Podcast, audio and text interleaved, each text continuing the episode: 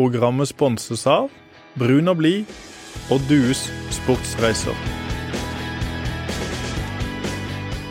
Hei og velkommen til eh, fotballradioen. Det nærmer seg jul. Vi har fått startnedrykket litt på avstand. Eh, skal vi ha litt bedre stemning her i dag, Jesper, enn det det var sist?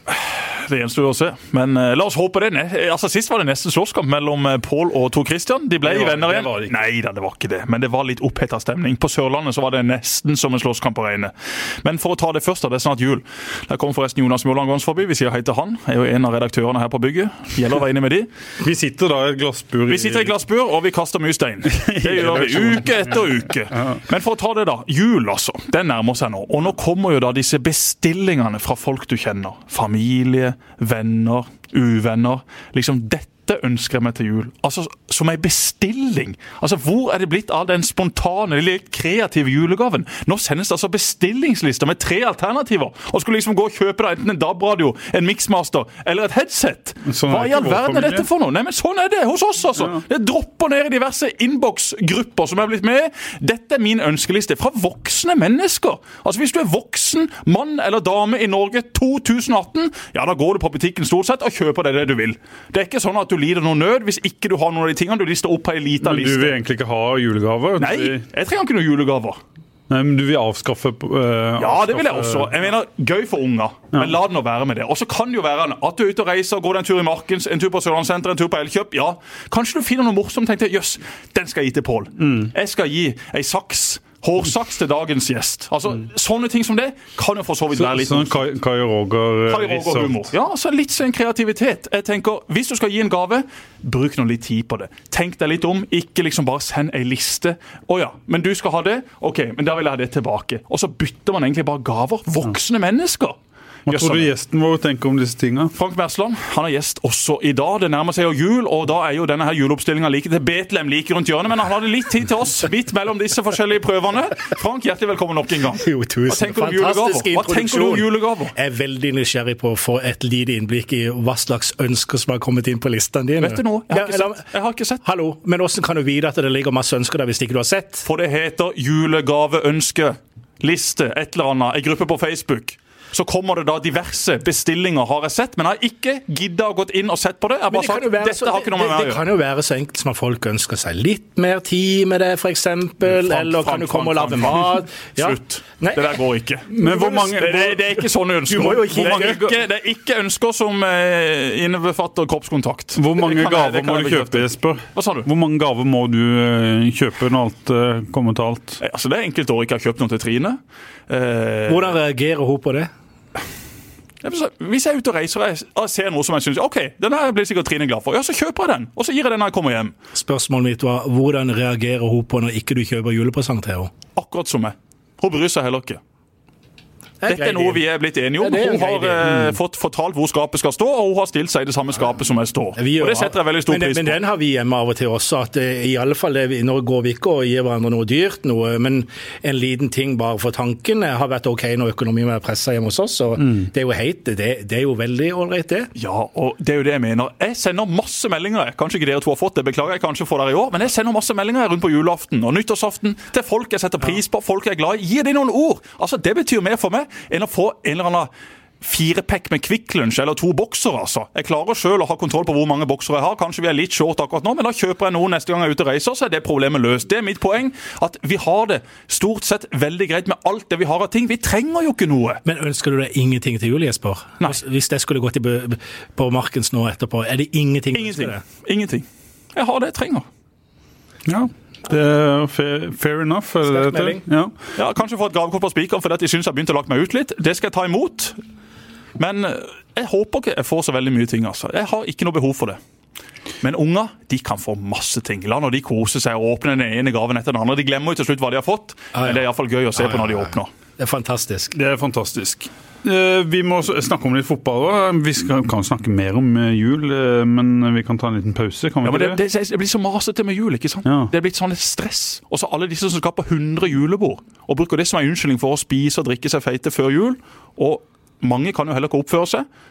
Ute Men på byen. om det blir stress eller ikke, er jo litt hva du gjør det til uh, sjøl. Ja, Ja, men å lage julekalendere til barna, Ja, de ja, det er jeg jo helt enig. Det er jo uh, lett å ta avstand fra, fra det julehysteriet. Man må ikke hoppe på juletoget for tidlig. er mitt. Nei, nei. Men hvor mange julekalendere har dere lagd i år? til? Vi har, vi har jo barn alle tre. Jeg har kjøpt, jeg har kjøpt en til Var det 14,90 med noen små sjokolader til, til mine barn. Og det er det gøyeste. Hun, Dattera mi på fem våkner jo da hver morgen en halvtime tidligere enn hun pleier, for det er jo glede seg sånn til å hente den Men du har aldri lagd en julekalender bestående av julegaver? Og det koseligste jeg gjør med mine barn, er å sette meg ned klokka seks og se på Julekongen med et barn i, i hver armkrok. Det syns jeg er en fantastisk fin eh, juletradisjon. Er det på julaften? det? Nei, det er hver dag. Bare, Er det hver dag, ja? Bare, det Julekongen er jo som uh, skomaker Andersen, da, som du husker fra når du var, var liten. Når di, di, dine barn blir litt eldre, Jesper, så, så, så, uh, Så blir det du julekonge det. på de òg. Det blir nok det. Men eh, apropos dette med sånne advents... Nei, hva heter det? Sånn pakkekalender? Pakkekalender, Ja, jeg har faktisk gitt pakkekalender til Trine i alle fall ett år. Hvor du handla inn 24 pakker Ja. og har de Og pakka de sammen. De har Med enorme mengder gavepapir og teip. Men da var du forelska. Da var du forelska. Da hadde jeg litt Dårlig samvittighet? Ja, altså, jeg er fortsatt forelska. Det vil jeg faktisk si. Nyforelska. Ja, men nei, det var, det var ikke så mange år siden. Men jeg hadde reist veldig mye, hadde veldig dårlig samvittighet. Hadde nesten ikke vært hjemme på flere-fem måneder. Og tenkte ok, når jeg først er ute og reiser nå, så skal jeg i hvert fall få kjøpt inn litt gaver, sånn at Trine i alle fall får den, ja, den positive opplevelsen. Nei, var, det litt, var, det, var du litt sånn skudd av dårlig samvittighet når du gjorde det? Ja, selvfølgelig. Det er jo de fleste som gir gaver. Vi må snakke om fotball. Det, eh, en ting å diskutere som vi kan eh, ta opp her, er jo Ada Hegerberg. Jesper, du kommenterte denne eh, gullballen-sendinga i går på, på TV 2, og rimelig tydelig meningene dine, ikke bare etterpå, men også underveis. Ja, altså for, å- for å ta dette først da. Vi fikk eh, beskjed om at vi skulle sende Gullballen. Eh, og det var visstnok fordi at noen i TV 2 hadde fått eh, en heads up om at Ada Hegerberg om ikke hun kom til å vinne, så var hun i alle fall ekstremt nære. Og eh, Samme dag som denne her kåringa skal være, så slippes jo diverse lister på internett. og Alle kåringene var jo avgjort i timevis før vi skulle sette oss inn i studio. Eh, også den kvinnelige kåringen. Da skjønte vi at Ada Hegerberg kom til å bli kåra til verdens beste kvinnelige fotballspiller. I og med at TV 2 sendte, det var litt sånn dere slo to og to sammen? Nei, nei, men, nei, for det, det, det lagt noen lister på Twitter og Ah. diverse nettsteder som da egentlig viste nøyaktig hvordan kåringa kom til å gå fram. Ja. Og Det begynte jo med herrene, som da var topp 30, og de 15 første stemte. og Da skjønte vi ok, dette blir jo ikke noe veldig spennende, men vi skal gjøre det beste ut av det. Så begynner sendinga, alt foregår på fransk, og en fryktelig sånn en engelsk simultanoversetter som var helt håpløs å høre på. Så han måtte vi bare kutte etter ett minutt, og så måtte Marius Skjelbæk sitte og oversette det han forsto. Det var en eh, tjeneste dere fikk i, TV 2-studio, denne oversettelsen på engelsk. Ja, men Den gikk også ut på lufta. Han gjorde det, ja. ja. ja, for Den kunne de legge på lufta. Men Ja. han var jo helt forferdelig å høre på. Altså, Det var et toneleie og en stemme som gikk an å høre. høre på. Jeg- Prøv. Jeg husker ikke. Dess, dessverre så Men er det jeg jeg ikke så god engelsk det jeg tenkte underveis da jeg kikka litt på, er at Marius Skjelbæk han er jo ganske god i fransk. Marius tenkte snakker alt. Marius Ja. snakker alt. Og det vi ble enige om etter ett minutt, da ble all lyden bare tatt ned i studio. Så kom vaktsjef eh, Eirik Bremertun inn, og så sier han hva gjør vi nå? Vi kan ikke sitte og høre på dette. Nei, sier jeg. Vi må bare kjøre det som en podkast. Vi må la sendinga gå, og så får vi bare prate litt når det er naturlig, og så får vi egentlig ta det for det det er. Sånne kåringer er jo litt spesielle. Jeg har ikke så veldig stor sansen for dem, men det var jo ekstremt gøy da at det ble en norsk vinner av den første gullballen for kvinner noensinne. Det skal jo hylles eh, både hit og dit. Hun er altså den største stjerna vi har internasjonalt. Når hun nå vinner denne prisen. Kvinnefotball har eksplodert. Stor stjerne i Frankrike, i Lyon, som er det klart beste kvinnelaget. Hun skårer eh, masse mål mot eh, veldig mye dårlig lag, men hun har altså en målstatistikk som er helt enorm, og derfor ble hun da kåra til den som vant denne prisen. Luka Modric vant for herrene. Mbappé vant for unge, unge spillere. Men noe så dumt at Luka Modric vant denne prisen. Med all respekt for han. Du er gammel Tottenham. Nei, nei, ja, eh, nei, altså, han- jeg er helt enig. Dette har vi pratet om før. Det er bare én mann, etter mitt syn, som fortjener den prisen, og det er Messi. Ja, det er det. Ferdig snakka. Messi på femteplass. Altså, Ja, det da er jo det er- fasiten på hvor dum sånne kåringer er. Men vi kommer så i hvert fall Men hvem er det som har kåra journalister? Journalister. Ja, Dumme journalister har jo Som eh, oss, Ikke sant? Som oss. Men eh, Og så ble det jo litt eh, Litt eh, ja, bråk, kan du kalle det. Stå hei. Stå hei. Oppstuss. eh, særlig på sosiale medier, da, fordi en DJ spurte om å kunne ta en twerk, eller om å kunne twerke. Hva er twerke, Frank? Jeg skal vise. Altså Det er sånn at du står og vrikker litt på rumpa, sånn som Frank gjør nå. Det er heldigvis enkelte rundt forbi denne verden som gjør det bedre enn Frank, men Frank ga et eh, ganske godt og ærlig bilde på hva twerking nå er for noe. Mm. Det var jo da Martin Solveig som var DJ. Jeg trodde først han var norsk. Jeg hadde aldri hørt om. Martin Solveig. Ja, det var vel sånn det uttates. Men jeg leste bare han på programmet først. tenkte Jøss, gøy med norsk DJ. Vi har jo Matoma, vi har uh, Kygo, og nå har vi også Martin, Martin Solveig. Solveig. men altså, jeg vet da søren! Jeg vet jo ingenting om musikk. Forberedt. Oui, oui, oui, oui. Jeg er jo ikke forberedt på DJ-en. Han hadde én jobb, det var å spinne noen plater og lage god stemning. Han klarte å spinne plater, lagde ikke veldig god stemning, og han spør da Ada Hegerberg, etter at hun har fått en pris, hun har holdt en fantastisk tale, går ned trappa sammen med verdens mest elegante fotballspiller noensinne, Do you twerk? Sa han da. Ja, Og hun reagerte strålende på det også. Hun sa nei. Hun var i ferd med å gå, men så skjønte hun vel ah, jeg går tilbake.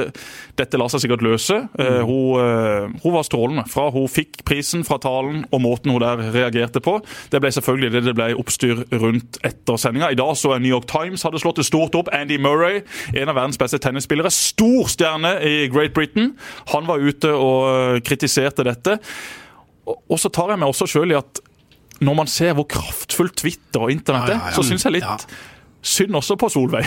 Men ja. Altså, jeg, gjør det. Jeg, jeg, jeg, føler, jeg føler faktisk litt med han. Ja, han dreit seg ut, og han burde komme med en mye sterkere beklagelse enn det han faktisk kom med. Men det er jo ikke sånn at han har jo ikke Altså, han har jo ikke drept noen. det han gjorde, for- men han langt over Men, men, men for, 20, år- for 20 år siden så hadde dette vært lett kan- Det er ikke sikkert det har vært så veldig med hoderist. Det har vært litt lett hoderist. Kanskje en artikkel i, noe- i Dagbladet, en liten enspalter. Dette går ikke an, og så ferdig med det. Helt enig, men er ikke noe Og så er det en ting jeg tenker på når jeg leste dette. Fikk de ikke med meg før det storma på Twitter, sikkert fordi jeg ikke skjønte helt hva twerk eh, var. og jeg, jeg hørte, Skal jeg vise? Jeg, nei, men jeg hørte det ikke helt. Men uh, der sto det jo flere plasser, både på, uh, på Facebook og på Twitter, at det, dette var programlederen. Ja. Men dette var jo faktisk en DJ som også spurte eh, Mbappé om han kunne danse. Han ville liksom ha folk til å, til å danse, så det gjør det jo litt mer formidlende.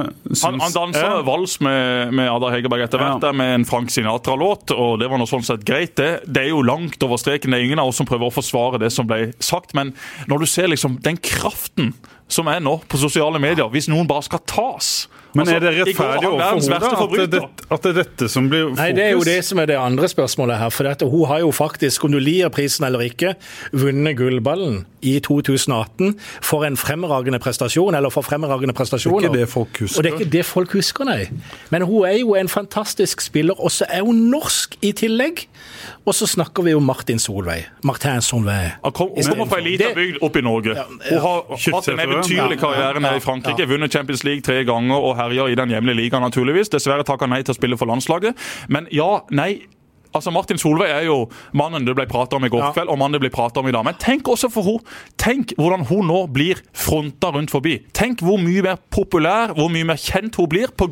denne tingen. Ah, twerk. Ja. Ja, Ah, altså, ordet tenk, twerk. tenk til alle disse som nå er leser dette i New York Times, de leser det i Asia, de leser det i Australia, de leser det over hele verden. Hadde det ikke vært for han, så hadde ikke hun blitt slått så stort opp. Dette var en stor greie. det- Dette var en det var første, greie. Første gang man kårer altså en kvinnelig gullballvinner, så det er klart hun er jo historisk bare i det. Mm. Og så får hun litt ekstra fart pga. dette. Men eh, det er jo som du antyder i spørsmålet, Pål, det blir jo litt lett til at en kanskje glemmer hvorfor hun har fått den gullballen oppi all ståheien. Iallfall nå disse dagene her. Ja, men Det vil vi glemme etter hvert. Ja. Hun vil eh, bli stående igjen med gullskrift i norsk fotballhistorie. Og hun vil også bli stående med gullskrift i norsk Nei, altså i, i, i fotballhistorien generelt. Første kvinne som får denne her anerkjennelsen her. Ja, det er mange som mener at hun ikke er verdens beste spiller, men hun har i alle fall vært verdens beste avslutter og målskårer og har hamra inn I flere år. I flere år. Men 23 år gammel bare. anerkjennelse internasjonalt, Ja. men ikke så i Norge? Det var et understatement. Ja, altså, det er klart at Jeg tror hun er større ute enn hun er i Norge, fordi at hun ikke bidrar for det norske landslaget. Og i Norge så er det større å gå litt fort på ski eller flytte noen brikker på et sjakkbrett. Ute i verden Kvinnefotball er så gigantisk stort. Nå er hun blitt ei superstjerne der ute. De bildene som ble tatt i går, de historiene som gikk i går, altså, det vil jo leve i lang, lang tid. Men hva, skje, hva er det som har skjedd der? Vi må re rekapitulere litt. Hun, hun var med i et uh, norsk landslag som uh, uh, rett og slett leverte langt under par i et EM, og så ble det det ble bråk. De røyk vel ut i, i gruppespillet i et mesterskap der de var en av, av favorittene, både med Caroline Graham Hansen og, og Ada Hegerberg. Og, og Maren Mjelde og en rekke profiler som skulle løfte dette laget, og så gikk det galt. Eh, hva skjedde, Jesper? EM 2017. Det var jo dette mesterskapet som ikke gikk bra. Ada Hegerberg var god i kvaliken til dette mesterskapet. I selve mesterskapet var hun fryktelig, sammen med resten av det norske laget. Så skjedde det jo også en del ting i dette mesterskapet som ikke var helt eh, bra. Hun har ei storesøster som eh, starta første kampen, så ble hun vraka. Så skapte det dårlig stemning på deres rom, for de bodde da sammen. Og så var det nok det også dårlig stemning i troppen. Og så var de uenige med taktikken og valgene som Martin Sjøgren gjorde som da var sjef, og det skinte jo veldig gjennom på disse intervjuene som ble gjort etter et par av disse kampene. Han var relativt fersk òg, så det var jo aldri snakk om å kvitte seg med han etter bare noen måneder i jobben og et uh, mesterskap. Nei, og så var mesterskapet eh, ferdig, og det ble evaluert, og Ada Hegerberg eh, var såpass uenig og takka da nei til å bli med videre på dette landslaget. I etterkant så har det vært litt forskjellige ting frem og tilbake. Hun har sagt at hun kom tilbake igjen fra landslagssamlinger og var en dårligere spiller. Hun mente da at de norske spillerne som var på samling ikke var gode nok til å opprettholde hos sitt høye nivå fra sin hverdag i Lyon. og Det kan jo sånn sett stemme, det, men det er jo ikke noe du går ut og sier. Det var også rykter om at eh, hun hadde uttalt eh, på Lyon-trening at hun håpte Nederland skulle slå Norge nå i denne VM-kvaliken, som Norge faktisk vant, og da kvala mm. inn i VM som spilles til sommeren. Eh, det er jo heller ikke kjempegod stil, men sånn vil det jo alltid være. Det vil jo være rykter og historier begge veier. Det har vært Herlovsen som har vært ute og uttalt at Ada Hegerberg kanskje tok litt mye plass. Mm. Altså Her er det mye konflikter. En ting er at Hegerberg-familien, som er en sterk familie, to sterke personligheter som spiller fotball, fotball. To sterke foreldre som har uh, veldig mye å si, som også har sine klare meninger, og de melder i hytt og gevær. Mm. Mora har vært ute på Twitter flere ganger og kritisert og kommet med noen stikk her og der. Så det er en veldig kompleks uh, konflikt Cornflakes. Kompleks konflikt som nok ikke blir løst med det første. Og hvorfor skal Martin Sjøgren ha med seg Ada Hegerberg til VM i sommer? Nå har han kvala inn med et lag, et kollektiv, en gjeng som står bak hverandre. Hvis hun nå skal inn på dette laget, for det første så er det ikke sikkert at dette laget blir så veldig mye bedre, for de har allerede ganske gode alternativer på topp. Og så vil det da skape diskusjoner og hvisking og tisking i garderoben, og noen spillere vil bli misfornøyd. Hvorfor skal hun inn igjen her? Mm. Nå må jo Martin Sjøgren håper jeg bare si at vet du hva, Ada Hegerberg, jeg håper å komme tilbake igjen for Norge, men det blir ikke til sommeren. La oss nå bruke krefter på å fokusere på et verdensmesterskap i Frankrike. Det må jo også være kjedelig for henne, som da er kåret til verdens beste fotballspiller, ja. sitte og se på at Norge skal spille et VM i det landet hun har herja i. Så Scolari skulle bare utlagt Ronaldo ikke sant, fra Portugal når han hadde det. Det, det ble verdens beste spiller. Hun fikk jo gullballen i går. Du mener det?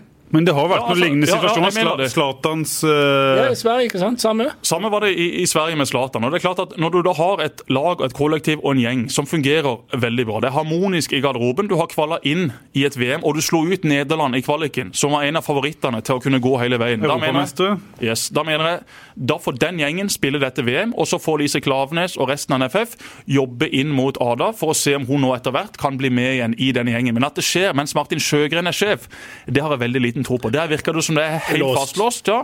Og det hører du også på måten han snakker om Ada Hegerberg på. Han også ble jo bedt om å plukke ut de tre beste spillerne i verden. Der var ikke Ada Hegerberg med. Og de norske kvinnene plukka i helga ut årets lag bestående av norske spillere. Elleve spillere, null Ada Hegerberg elleve spillere, og hun var ikke med i den elveren. Det forteller bare alt det om hva slags konflikt Det er jo ikke det sportslige som styrer den, nei, nei, nei. den Men Det er jo litt sånn sandkasse. Det er litt Men hva ville du gjort, Frank? Altså. Nei, jeg, jeg ville synes det hadde vært veldig vanskelig å unngå å ta med eh, spillere som er kåra til verdens beste. Det må jeg bare si. Rent eh, objektivt. Jeg tror eh, for det første så skal du være en veldig sterk mann, og du skal ha et forbund i ryggen som backer deg 110% hvis du skal gå inn i den prosessen der og si OK, du er ikke med. Vi har et lag som vi mener er det beste til å, til å oppnå det vi vil. Så det er klart det at har du den backinga der, så, og det har nok Martin Sjøgren, han har nok den backinga fra de som er ansvarlige der. Så men, men, hun er såpass god foran mål, og hun har jo vist det gang på gang på gang i viktige kamper. og Champions League. Hun har jo jeg vet ikke hvor mange mål hun ja, men hun har ikke vært så god i viktige kamper for Lyon. Hun har skåra enormt med mål i store seire. Når det har kommet til sluttfasen av disse turneringene Ja, hun skåra et mål i Champions League-finalen i ekstraomgangene, men hun har vært mye svakere mot slutten, mot de bedre lagene. og relativt svak- i norske landskamper i, Ja, i tillegg. men dere hører jo hva som ligger i andre enden her, hvis Norge ikke presterer uten Ada Hegerberg. Mm. Da, der ligger det jo en massiv kritikk og venter der. Så det er damned if you do og damned if you don't her, egentlig. Selvfølgelig. de Det vil bli fokus fokus på det uansett, men jeg tror det blir mye mindre fokus på det. og Jeg tror den gruppa vil være mye mer harmonisk hvis den gruppa blir den gjengen som er der nå. Du kan jo selv tenke det, deg her, er, det, er det bra? Er det nødvendigvis bra, Jesper? Du vet, De lagene som har prestert i, i VM, en journalist er her som ingen hadde likt, Ja, og så hadde han kommet inn her, og han hadde kanskje økt toppnivået sitt i enkelte kamper, men hvis resten av de som sitter her, hadde senka seg 2 og kollektivet hadde blitt svakere, så er det jo ikke verdt De det. Det er klarer, poenget. jo, de klarer jo å leve med konflikter i Tyskland, som har vunnet x antall mesterskap. Nederland er et annet land som er kjent for å ha konflikter. Men det kommer vel an på størrelsen på konfliktene, da. Hvis størrelsen på Jo, men- konfliktene bare blir store nok, så får du Markante spillere som tjener 100 millioner i året. Og så er de inne der, og så er de egentlig uvenner og tåler ikke trynet på hverandre. Men så klarer de, å få de til å prestere likevel. Ja, men da tåler Det- de det trynet. skjer jo. Ja, men da tåler de trynet fordi de er. Det, vinnerskaller. ja, det er eksempler på Nederland òg, der ting har gått helt fullstendig, det- fullstendig galt. Og det er gjorde de det jo for Norge i EM i fjor. Hvite og mørke spillere på, på hvert sitt eh, bord, og det er et forsura miljø har det ødelagt et helt landslag. Poenget mitt er at det, det kan gå også, og det er jo, det er jo Og det eksempler jo på at det har. Det er som jeg sier, det er jo sandkasse og barnehage. Selvfølgelig burde dette blitt løst, men nå har det gått såpass lang tid, Ja. og nå stikker dette så dypt. og det De er en såpass sammensatt stein situasjon. istedenfor. Ja. Ja. Og så er det såpass mange personer involvert. Dette er jo ikke bare Hegerberg mot Sjøgren. Her er det familien Hegerberg, det er Sjøgren, NFF, lagvenninner. Og så er det jo dette med at uh, i en guttegarderobe så hadde kanskje dette blitt håndtert annerledes enn det hadde blitt gjort i en jentegarderobe. Vi har jo et ganske lignende eksempel fra, fra Og det, og det kan du godt se rart for meg, Frank. Men, Jeg er- er men- men- nysgjerrig. Jeg ser Ja. nysgjerrig på det når Ja, du sier det, Jesper. men det kan det godt være. Altså, husker fra vi gikk på skolen, det var en annen måte å løse konflikter på blant gutter enn det var blant jenter. Sånn er det bare. Så det er vanskeligere blant jentene, tenker du, eller Det kommer, kvinnene? det kommer helt an på konflikten. Ja. Men det er klart at her har det vært en del meldinger som har kommet til den ene leiren, kommet til den andre leiren. Det har ikke vært så direkte kommunikasjon, kan det virke som. Det har vært via, via, via. Og da vet vi fint at eh, ti fjær kan bli til tusen høns. Og det, Vi har jo hatt konflikter i det norske herrelandslaget Det det også. Riise Karev, ikke sant? Altså, Ka- Karev sa jo nei Ja. til, til landslaget. og Måten det ble, ble løst på, er jo en måte å løse denne konflikten her også på, tenker jeg. Men det er jo som Jesper sier, at hvis hun kommer inn igjen på landslaget, og folk ikke vil ha henne der, det er jo da du har et problem. Hvis du skal inn igjen på landslaget, så må den gruppa som er der, tar jo hun imot med åpne armer. Det er jo det som er hele poenget. Om det skjer før VM eller om det skjer etter VM, er jo eh, helst før VM, selvfølgelig. At alle kan bli enige. At eh, Lise Klaveness eller Sjøgren kan reise ned til henne med velsignelse fra spillergruppa og si at dette legger vi bak oss. Eh, Du er hjertelig velkommen tilbake om du, du vil. Vi lover å ta deg godt imot. Og at de klarer å løse konflikten kanskje med et par-tre av de markante spillerne. Hvis de klarer det, så er det jo bare å ta henne inn igjen. Men hvis det er sånn at de ikke klarer det Fra, fra startgarderoben. ja. Der har det vært mange nasjonaliteter innom. Og for eksempel, Vi hadde ei, eh, et par sterke spillere fra Island. Start så på en ny spiller som ikke var islandsk, men som hadde spilt oppe på Island. Så kom det disse gutta for øre inne i garderoben. Og Da gikk de rett til klubbledelsen og sa hvis han kommer, så reiser vi. Ja. Og da står du Han var et dårlig egg i kurva. Han var et dårlig egg i kurva som hadde skapt laber stemning i garderoben. Det var en del historier om han, hvor også disse var involvert, som absolutt ikke kunne blitt forbigått i, i stillhet. Derfor var det sånn. Ok, De gikk til ledelsen og sier dere må gjerne hente han, men da ryker vi i neste vindu. Da gidder ikke vi være her, for vi kan ikke sitte i samme garderobe som han. Sånne ting må jo løses. Hvis ikke, så har man faktisk ikke noe å gjøre i den samme garderoben. Men jeg må bare spørre om en ting. Vi hadde for flere år siden her i Federlandsvennen et eh, lederkurs hvor vi skulle lære å kommunisere. Og Da hadde vi henta inn eh, en fra Vestlandet, fra bergenskanten. Lars Asle! Lars Asle Einarsen! Og Han sto og hogga altså den ene hånda inn i den andre som ei pølse i brød. Og han kalte det 'Dette er pølsa i brød-metoden'! Direkte kommunikasjon er det vi skal ha. Og nå er det pause. Det er fotballpause. Går det ikke da an å ta med de involverte partene, putte de et sted i ødemarka, bruke to dager der og si nå skal vi prate rett av levra. Det er dette det handler om. Dette skal vi uh, finne en løsning på, om det blir den eller den, med eller uten ADA, for å si det sånn. Og så gjør det. Gjør det nå. Da mener jeg Men uten ADA er jo ikke en løsning. Jo, det er, det er en løsning. Nei, det er en konklusjon. Det er konklusjon. Ja, men da vil konflikten antageligvis fortsette. Da er konflikten fortsatt på utsida av landslaget, som Jesper snakker om, med harmoni i selve landslaget. Men kan ikke bruke to dager, eller hva som trengs nå i den fotballfrie perioden, til å ta de involverte partene, samle de et sted, si eh, agenda, løse situasjonen, og så finner man ut om man kan klare det eller ikke. Bruk noen dager på det, og bli ferdig med det. det er, og da er jeg enig, hvis man gjør det forsøket der, spill da eh, mesterskapet uten Ada Hegerberg. Det er greit. Da har man gjort et forsøk på å få til det jeg mener kanskje er den beste løsninga. Det har de også gjort. De har jo reist til Frankrike med toppa lag fra NFF for å mm. prøve mm. å løse denne konflikten. Men her må, her, her må, jo de andre spillerne også, det må inn spillere. De som er involvert på et eller annet sett, må inn i det jo, men, rommet. Men spillerne og, en, og Martin Sjøgren ha... kan jo ikke bruke tid og krefter på dette? De må jo fokusere på å bygge det solide kollektivet videre inn mot VM. Jo, så får noen andre NFF men har ikke, du, har ikke du troa på at de kan faktisk klare å komme til bunns i denne konflikten? Ikke nå. Nei, ok, greit. Er det mulig jeg er naiv? Jeg har troa på at de kunne ja, iallfall gitt det et ordentlig forsøk med alle de involverte der. To dager er det det koster. Sett de på uh, Holmenkollen park eller et eller annet sted. Sett uh, Sett i Dyreparken! kan jeg gå og kikke litt på Men elefanter syns, syns du jeg er naiv når jeg foreslår det? De har ikke elefanter i Dyreparken. Syns du jeg er naiv Nei, jeg, jeg, ikke det. Jeg er jo helt enig. De løser konfliktene i Midtøsten rett som det. Akkurat. Og så blusser de opp igjen. Ja. Ja. Det blir spennende å se hva som skjer, da. Um, Men vi sitter og diskuterer ja. kvinnefotball à la Hegerberg. Det er bra. Det er, det er bra. Ja. Nå, nå, får vi et kvinnefotballag i Kristiansand. Hva skal til for å få et godt eh, kvinnefotballag i Kristiansand, Frank? Eh, Må Start takk? Nei, eh, jeg, jeg, har jo troa på Don. Jeg har uansett troa på Don. Jeg er donner, og jeg ja. tror på Don.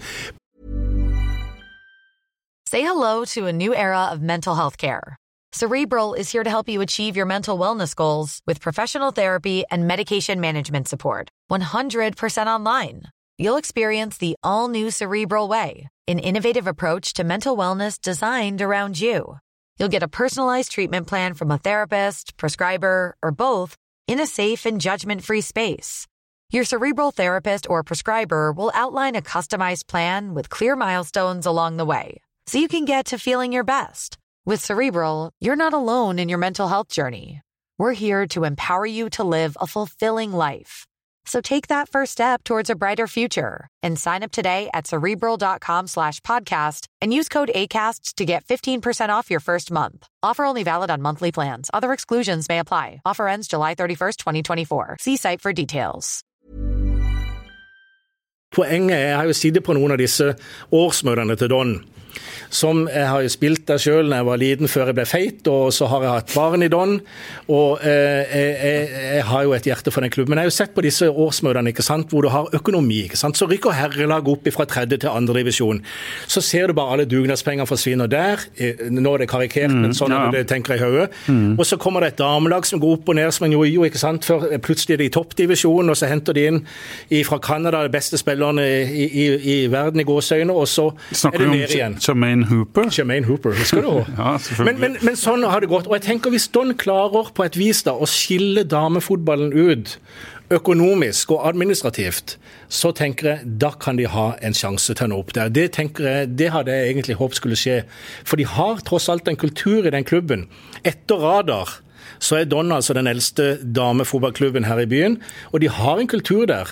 Og de har muligheter, mener jeg, hvis de finner ut at de vil satse på dette. Men de må gjøre det på utsida av breddefotballen. Jeg har hatt en diskusjon med noen andre her på jobb hvor jeg sier at om, om 15 år så kommer eh, Start til å ha et eget eh, kvinnelag, men de kommer til å være den siste klubben i Norge som starter det kvinnelaget. Fordi den siste klubben som skjønner at det ligger penger og, og eh, at dette er en, en idrett som kommer til, kommer til, å vokse seg Hvor ligger penger hen?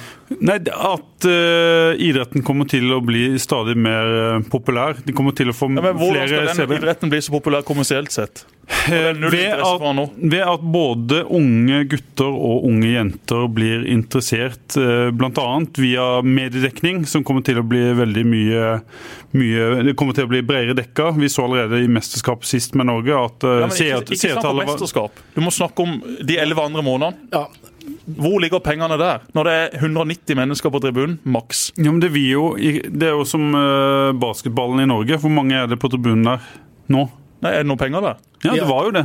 De, jo de prøvde jo å hype basketballen. Ja, ja, men det, jeg tror, jeg tror at TV 2 var jo inne og kjøpte basketballen i to-tre år, og da skulle det komme folk til kampene. og da var jo til Jeg tror det kommer til å starte i England med de engelske fotballagene, som kommer til å få stadig flere tilskuere. Jeg Og så kan kanskje det ta mer enn 15 år, men jeg ser for meg at eh, kvinnefotballen etter hvert eh, ikke kommer til å ta posisjonen til herrefotballen, men kommer til å gå forbi kvinnehåndball, f.eks., der vi ser 2000 på, på Vipers eh, i dag. Så kan jeg si at kan diskutere kvalitet og alle de tingene der. Jeg tror det, det Hvis en først klar, klarer å skape grobunn for interesse, så kan dette eksplodere. For det er et Du ser jo andre eh, land i Europa hvor, hvor de har begynt å få til ting. Sluttspillet i Sverige hvor det var fulle tribuner, kamper i Tyskland hvor det er masse folk på tribunen. Så det, selvfølgelig er dette her i Og så drives det av for store, store kommersielle krefter som Men der er det mye, der er folk på tribunene i Tyskland på herrefotballen òg. Ja, ja. Altså, jeg tenker Vi har jo siden 2008 her i Norge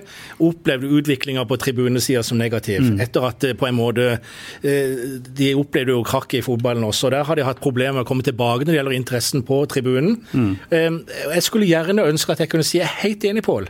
Jeg tror dette kommer til å skje, men jeg tror det ikke er så veldig smult farvann eh, fremover. Det tror ikke jeg heller. Jeg tenker Det skal veldig mye til før du finner 2000-3000 tilskuere på, på, på damekamper i Norge.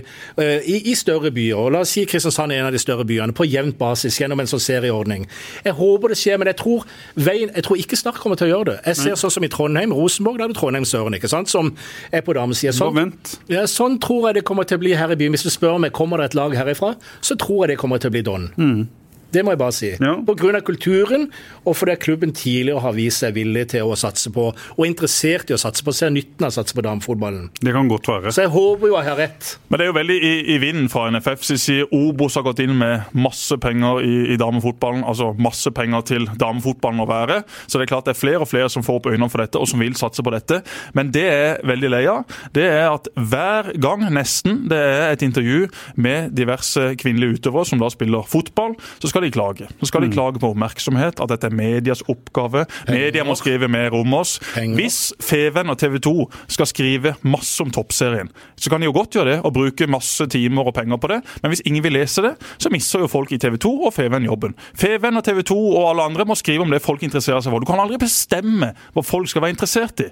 Du kan Det- ikke si at nå bør dere være interesserte i oss. Men du kan være med å påvirke det, Jesper. Du kan være med å påvirke det til en viss grad, men det som er problemet til norsk fotball i framtida, som også vil være problemet til kvinnefotball i framtida, er at det vil bli sammenligna med alt det som er tilgjengelig på TV. Og Hvis du sitter og ser Premier League og La Liga og Champions League og Europa League time etter time etter time i bedre og bedre kvalitet, Ti divisjoner forskjell. ja, og, og det er jo veldig håper jeg, urettferdig gjort mot de som spiller fotball. Men det, jeg synes jo det er en veldig enkel konklusjon. Kanskje det blir helt annerledes.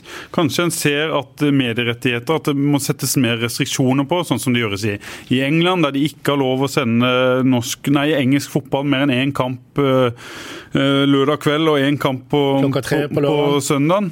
Ja, nå har de ikke lov å sende kamper klokka tre på lørdagen i, i England. Ikke engang på disse lisensierte pubene, og der det er mye striktere for å beholde folk på, på stadion. Så det går jo an en, Det kan jo skje flere ting både i Norge og, og også i utlandet som gjør at tilgjengeligheten ikke blir så stor som den er nå. Men la meg stille et spørsmål i tråd med det Jesper sier, med medieoppmerksomhet. Sett nå at Start eh, er nå i Obos og eh, ligger der, ikke med brukket rygg, men har problemer, blir liggende der i et år, to eller tre. Hva hadde de gjort hvis Donda hadde vært Lillestrøm, altså kvinnefotballens Lillestrøm? Vært helt oppe i toppen der? Hvordan hadde vår dekning vært da av kvinnefotballen kontra herrefotballen? Det kommer an på, da er jeg helt enig med Jesper, det kommer an på interessen.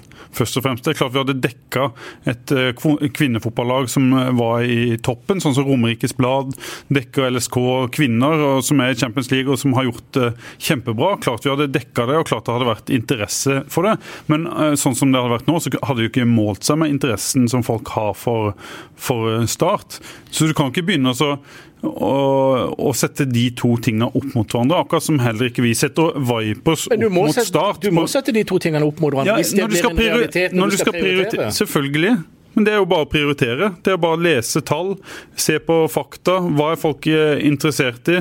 Hva er det våre lesere vil ha mest av? Og så må vi prioritere først og fremst ut ifra det. Men så skal selvfølgelig vi også legge til grunn litt andre ting når vi prioriterer hva vi Kvalitet, f.eks.? Ja, kvalitet, eh, et samfunnsoppdrag. Hva er det som er viktig å avdekke? Hva er det som er viktig å gi leserne? Og hva er det som er eh, viktig, viktig, Hva er det som er up and coming? Vi skal jo dekke trender og kvinnefotball. Jeg er sikker på at det, hvis vi hadde fått topplag i, i byen her, at det er noe som kunne, kunne vekke interessen. Du tror Start, jeg tror, jeg tror du, Hvem tror du kommer til å være Kristiansands topplag i kvinnefotball innen, innen ti år? Si det. Gimlethold, kanskje. Min klubb fra Gimlekollen har jo hatt et par damelag som har vært uh, oppover i systemene. Men, men, du må ha profiler òg, da. Du må ha profiler, du må ha noen som er villig til å satse penger på dette. Du kan godt sitte og si Paul, at dere hadde dekka kvinnefotball, men Start hadde jo slått kvinnefotball 100-0. Uansett om sånn kvinnefotballaget hadde vært i Champions League-finalen, så hadde Start slått i 100-0 hva gjelder interesse, seertall, Men det er ikke sikkert det er sånn om 15 år? Nei, vi kan godt inngå et veddemål på det. Det er jeg rimelig sikker på. Jeg, jeg sier jo ikke at kvinnefotball er mer eh, interessant enn herrefotball, men hvis Start har et lag i Obos-ligaen og et kvinnelag som spiller Champions League om 15 år, kan godt hende at den forskjellen der hadde vært utjevnet. Det er flere mennesker som ser på Strømmen i Obos enn som kommer og ser på Lillestrøm ja, toppserien. Selvfølgelig, sånn er det nå. Jeg sier jo ikke at det er masse interesse for kvinnefotball, men, men jeg tror det kan endre seg. Utøvere generelt, altså De som spiller fotball for kvinner, de trener like mye. De er ekstremt profesjonelle dedikerte. De har heva seg fra år til år til år. Det er tøffere og tøffere å bli god. Det er nå Norges største kvinneidrett. Det sier ganske mye. For, for noen år siden så var det veldig få som spilte det. Håndball var det liksom det eneste du skulle begynne med. Nå er fotballen tatt over, og fotballen kommer bare til å fortsette over hele verden.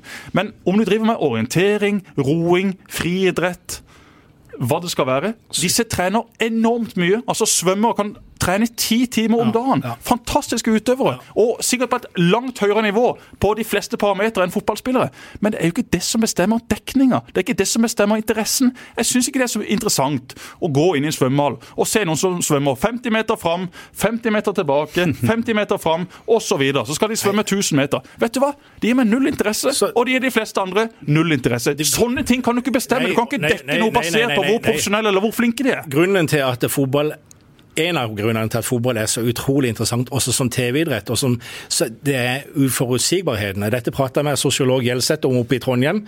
Eh, og Han sier altså fotball er den sporten hvor det er desidert størst uforutsigbarhet om sluttresultatet. Og Vi sitter der og ser på pga. sluttresultatet. Han sier den idretten som kommer etter, som har størst mulighet på pay-TV, pay for å si det sånn, da. Vet du hvilken det er? Hvor det er størst uforutsigbarhet om hvem som er vinneren. Det må være orientering, da? Nei, det er skiskyting. ja. Folk kjenner navnene, mm. men på any given day så kan 15 stykker vinne den der uh, normaldistansen. ikke sant? Det kommer an på dagsform og vind og kule og alt mulig. Mm. Så det har jo veldig mye å si når vi setter oss ned for oss å se på denne her idretten som vi er glad i. Mm. Bare sånn. Og kvinnefotball er jo fotball, så jeg tenker det ligger et eller annet element der av nysgjerrighet rundt resultatet. Men det handler jo om å bygge en base. Og når mm. Viper samler 2000 i Aquarama, så tenker jeg at på et eller annet tidspunkt så må det være mulig å samle 2000 eller 3000 på Sør Arena eller fotballbanen på Kongsgård med noen oppbygde tribuner der fra Mekken som de hadde på stadion før. ikke sant? Jo, men jeg tenker det. Det er noe i framtida der. Så jeg, jeg, hva, håper, jeg håper du har rett. Men hva, ok, Vi må gå lenger tilbake enn 15 år, da, men kvinnehåndball eh, før 1986 eller 1985? Ja.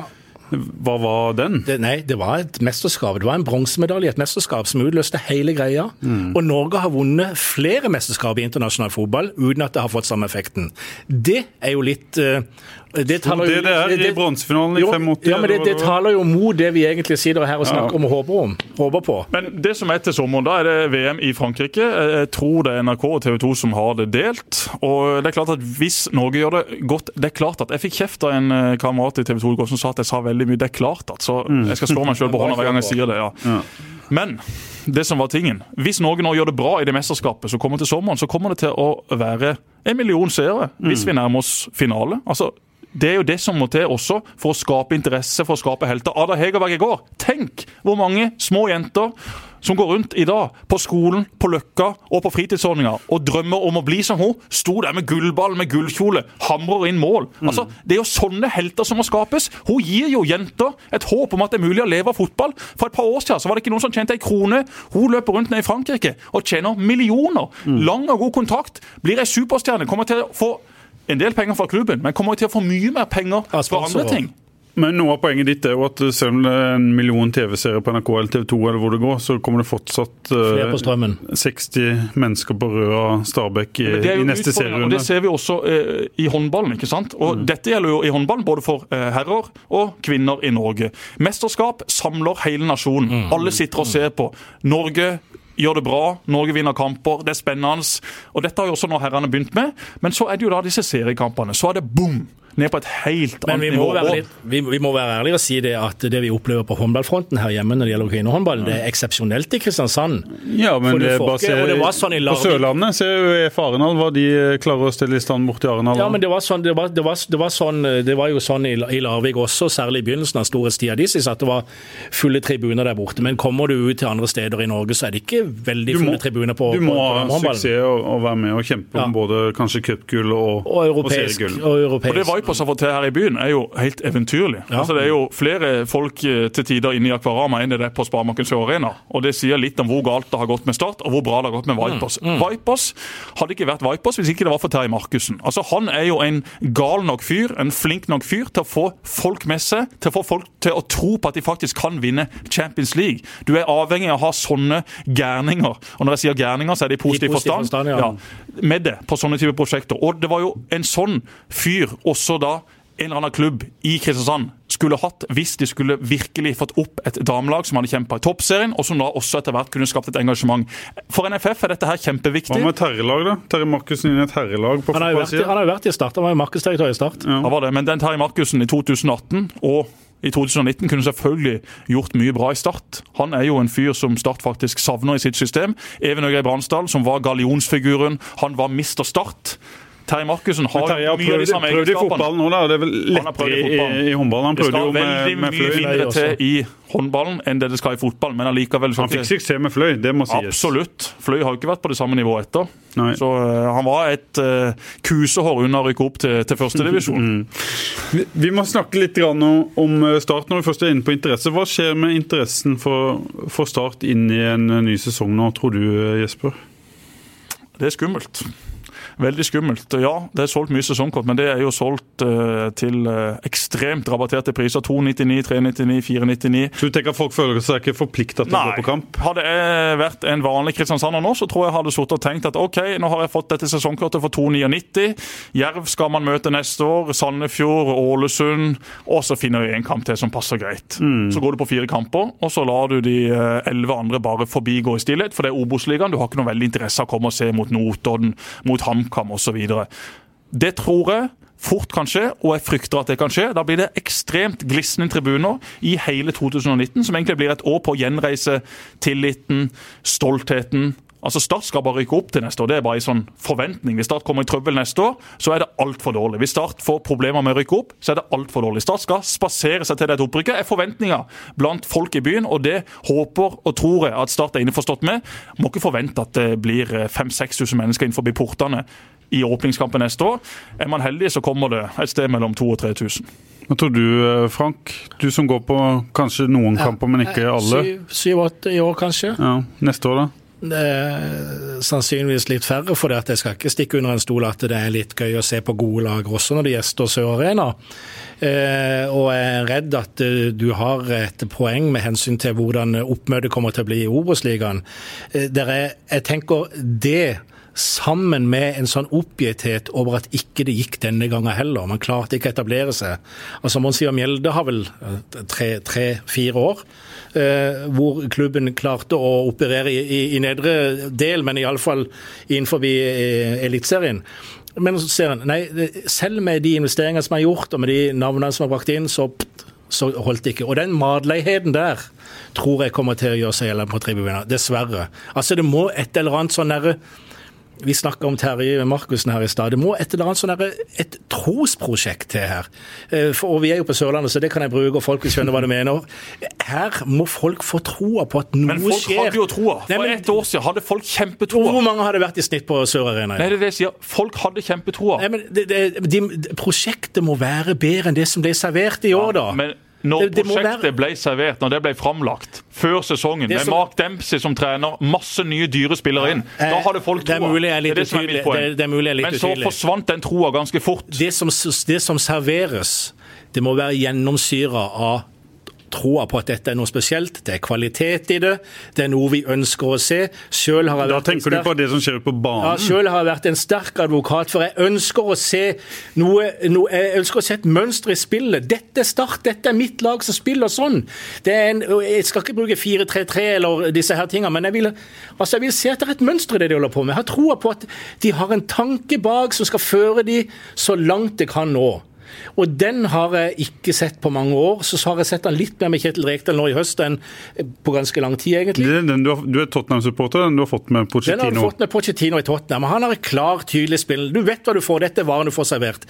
Og jeg tenker, Hvis det er kvalitet i den varen, så tror jeg det kan få folk til å tenke at litt ut i sesongen så har Start henta poeng og ligger oppi der og dunker. Og de er litt tydelige på det, det, En vil jo helst se lag som er gode til å angripe, og som på en måte eh, eh, er gøy å se på. Hvis de får til det i tillegg til å sanke poeng, så kan det være at folk tenker aha, det har vært litt gøy å se Start nå. Er, de virke, er, er Bringaker virkelig så god i år at han eh, sant, sånn, så blir det litt Du tenker tenker at det kan skje i første divisjon også? Jeg tenker det kan komme i løpet av en sesong i førstedivisjon, ja. Det tror jeg. Men da må de være tydelige, og da må de vise til all verden at det er kvalitet i det de holder på med. Vi skal opp, og vi skal ikke bare opp for å overleve ett år i Tippeligaen. Vi skal opp for å være der og sette preg.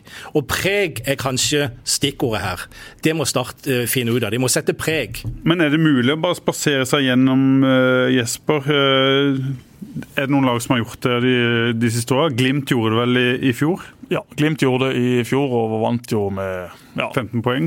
mye poeng og var det klart beste laget. Start også hadde ganske grei kontroll etter hvert. Eh, Jeg føler de siste opprykkene til Start har vært rimelig kontrollerte. Om ikke man vinner divisjonen, så har det egentlig ingenting å si, men Rekdal eh, har vel planer om å vinne og sette poengrekord. Altså, der skal lista ligge for hans del. Han er ikke nede der for å bli nummer to og så suse opp i et lag som skal ligge og kjempe om å holde seg året etter. Han skal bygge et lag nå som skal hevde seg i uh, Eliteserien 2020. Så gjenstår jo å se om han klarer det. Men Pål, Frank er inne på dette med forventninger og håp og tro. For ett år siden, med Mark Dempsey som sjef, og også han med en veldig klar spillefilosofi, tok Christian Carlsen inn nye, pengesterke eiere som holdt på å si fikk rykka opp, og når skulle det begynne? Er helt enig. var jo troa på, det på det største siden det har vært siden eh, Tom Nordli presenterte Balagaba i Sørlandshallen for eh, 10-12-15 år siden. Jeg er helt enig. Det var en positivitet, det var en tro, vi hadde troa på det. Spillergruppa tror jeg hadde troa på det. Jeg tror det var troa på det internt i, i start. Og så var det selvfølgelig noen få skeptikere, som eh, Jarle Børrestad, som fikk eh, Børrestad! Vi må snart ha Børrestad som gjest, altså. Jeg savner eh, Suser rundt deg i Spania der, drikker den ene Amaronen etter den andre. Jeg skylder forresten masse Amarone, jeg må få betalt det. Men særlig det i begynnelsen av januar, sånn når det gikk bra etter den første serieomgangen. Men eh, så, så så det jo eh, spennende ut.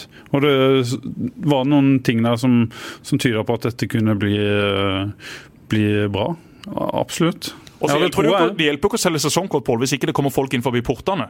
Altså, Da blir dette her et sånn helt feil stunt. Hvis du har solgt 4000 sesongkort, og så ser du på tilskuertallet som faktisk er inne på stadion, at det er 1500 mennesker. mm. Da sier det mye om det som faktisk er interessant der ute. Feven vil jeg tro har ganske stabile lesertall på start, nesten uansett om det går til helvete det, har vi i eller til himmelen. det har vi hatt eh, før, og det tipper vi kommer til å ha igjen. Det, det krever relativt lite å trykke på Det det, en sak. Det Det, krever mye å komme seg... Det koster mye å gå inn på. til En start i 2003, 2004, i de årene der. Ja.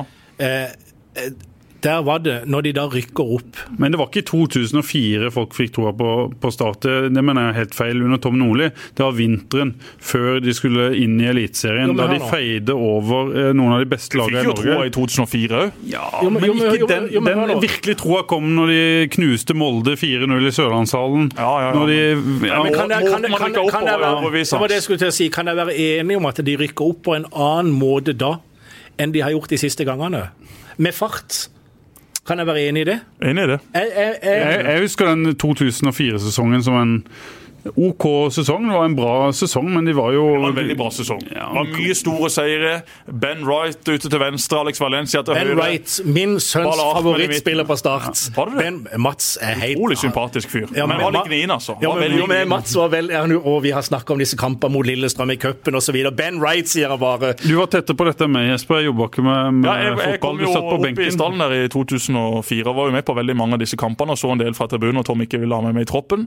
Men Start var gode. Altså, jeg husker jo, Det var liksom ikke noe tvil om at Start skulle rykke opp. og også må Sandefjord vant, gjorde de det? Ja, de gjorde kanskje det. Men, men måten Start rykka opp på, med angrepsspill og masse flotte mål og angrep, og det var jo det som begeistra publikum. guts, Da ble man kjent med hvordan. Tom ville spille. Riktig. Ja.